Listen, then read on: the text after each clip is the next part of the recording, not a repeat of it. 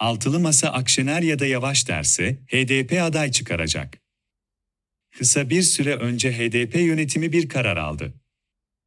Ve bunu altılı masada şu an itibariyle en yüksek oyu olan siyasi partinin genel başkanına iletti. Karar şu, altılı masa Meral Akşener ya da Mansur Yavaş'ı aday gösterirse HDP Cumhurbaşkanlığı için aday çıkaracak. Hafta içi Ankara, hafta sonu İstanbul'da akademisyenden politikacıya iş insanına bir dizi isimle buluştum, konuştum. Herkesin gündemi doğal olarak seçim. Bu görüşmeler içinde en önem verdiğim ve farklı kaynaklardan teyit ettirdiğim bilgiyi yazmak için bilgisayarın başına oturmadan önce T24'te Metropol'ün yeni bir seçim anketi haberini okudum. Habere göre 3 adaylı senaryoda seçim ikinci tura kalıyor.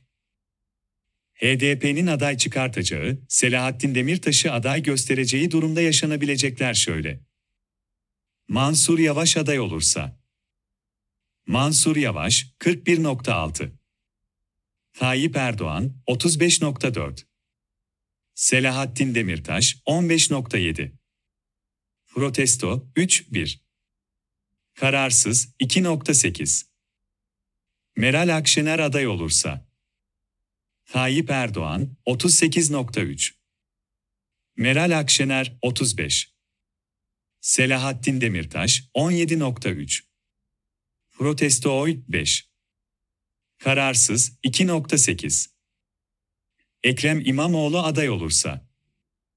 Tayyip Erdoğan 38.1 Ekrem İmamoğlu 33.9 Selahattin Demirtaş 15.8 Protesto 7.3 Kararsız 3.4 Kemal Kılıçdaroğlu aday olursa.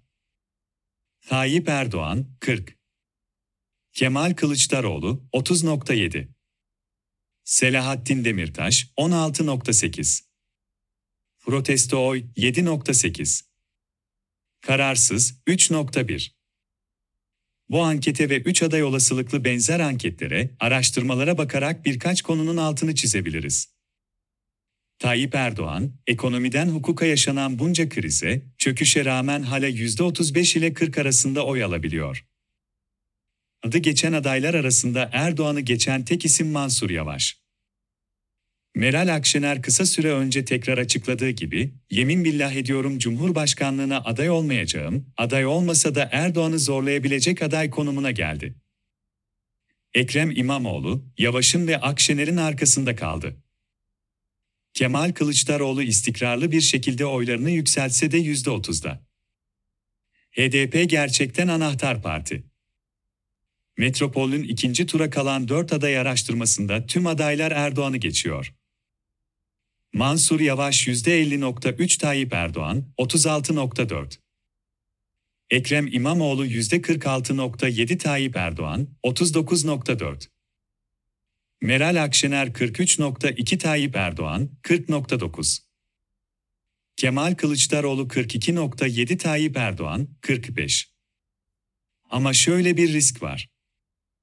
Son iki adayda Akşener ve Kılıçdaroğlu, kararsızlar sırasıyla 5.4 ve 5.6 olduğu için, Yavaş'ta 4.5 İmamoğlu'nda 4.8, Cumhurbaşkanı adayı olduklarında seçim bıçak sırtı gözüküyor.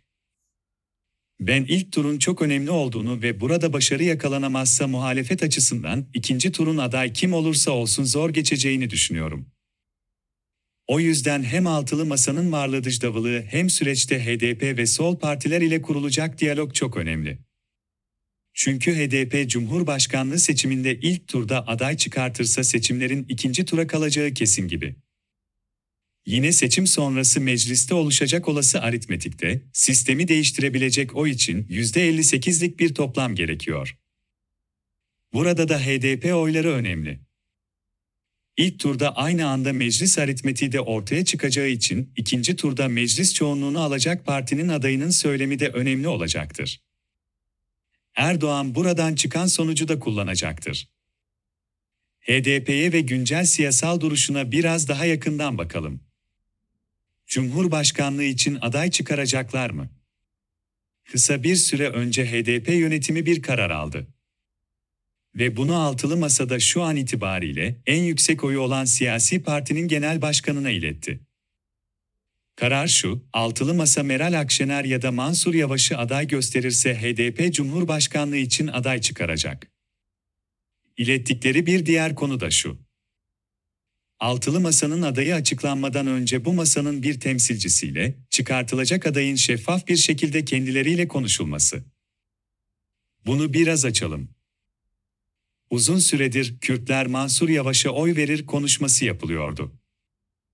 Ancak önce Kürt siyasetinin önemli ismi Ahmet Türk'ün oy vermezler çıkışı, ardından Yavaş'ın Man ziyareti sırasında kalabalık içinden bir kişinin Demirtaş'ı da aramızda görmek istiyoruz demesinin Yavaş'ın o an inşallah demesiyle aynı anda okunması ve sonrasında basın ekibinin bununla ilgili yalanlayan açıklama yapması.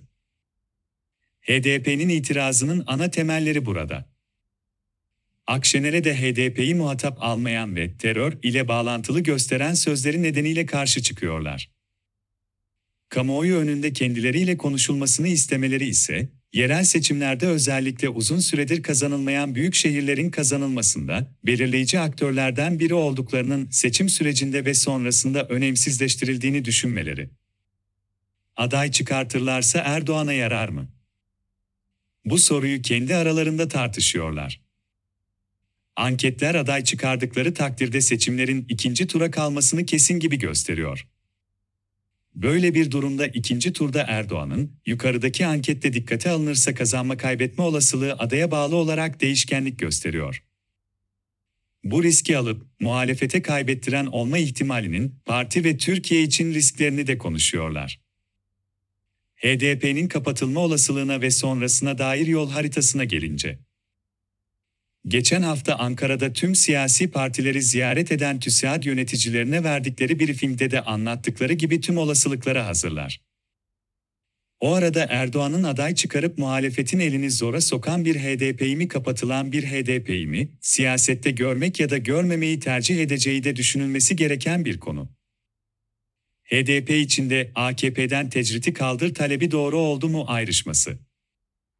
HDP'nin çağrısı ile 12 Haziran'da, dün ülkenin değişik yerlerinden Gemlik'e binlerce kişi hareket etti. Öcalan'a uzun süredir uygulanan tecrite karşı bir tepki amacıyla yapılmıştı. HDP çağrısında şöyle diyordu, bütün Türkiye halklarını, kadınları, gençleri, derdi demokratikleşme olan herkesi 12 Haziran'da tecrit siyasetine karşı özgürlüğü savunmak için yürüyüşe çağırıyoruz. HDP içinde bu çağrı ile ilgili fikir ayrılıkları var. Fikir ayrılığının nedenini anlatan kaynaklardan biri şunu söyledi. Çağrının niteliğinden çok özgürlük talebinin AKP'den istenmesi problemli. Seçimlere bir yıl kala Erdoğan'ın siyaseten de kullanabileceği bu talep yanlış oldu diyebilirim. Bu kaynağının aktardığına bir cümlede ben ekleyeyim. Bu talep Erdoğan'ın halen güçlü ve ondan bir talepte bulunulabilir aktör olduğunun da kabulü anlamına geliyor. Bir diğer kaynağının vurgusu şöyleydi. Eylül 2021'de partinin açıkladığı tutum belgesinde Kürt sorunu ve çözümle ilgili konuda ana vurgu mecliseydi. Eski eş genel başkan Selahattin Demirtaş, HDP'yi de içine katarak tüm muhalefeti bir arada ciddiyette durarak ortak somut bir mesajda buluşulmasını söylüyor. Ahmet Türk, sokak ile Ankara merkezli parlamento içi siyasetin birleştirilmesinin önemini vurguluyor. Eş Genel Başkan Yardımcısı Tayyip Temel tutum belgesine atıfta bulunarak içinde olunabilecek onurlu bir seçim ittifakından bahsediyor. Şu anda AKP'nin bunu siyasette kullanacağı, yapsa bile bunun geçici olacağı bilindiği halde tecritin kaldırılması isteniyor. Şu anki tavırla muhalefette ayrı yere düşülüyor. Bitirirken HDP'nin durumu kritik. Her anlamda. Kendinden kaynaklanan ya da dış etkiler sebebiyle. 3 Temmuz günü kongresi var. Mithat Sancar ve Pervin Buldan pek muhtemel eş başkanlığa devam edecek. Ancak HDP'nin duruşu ve tutumu seçim sürecini ve sonrasını etkileyecek. Nok Meral Akşener'in bu tweet'i çok önemli, Kadınlar Günü'nü bile gösteri izni vermeyenlerin, ilginç bir şekilde göz yumduğu, Kadıköy'deki terör propagandasında polisimize yapılan çirkin saldırıyı şiddetle kınıyorum. Huzurumuz için çalışan evlatlarımıza el kaldıranlar için acilen gerekli adımların atılmasını bekliyoruz.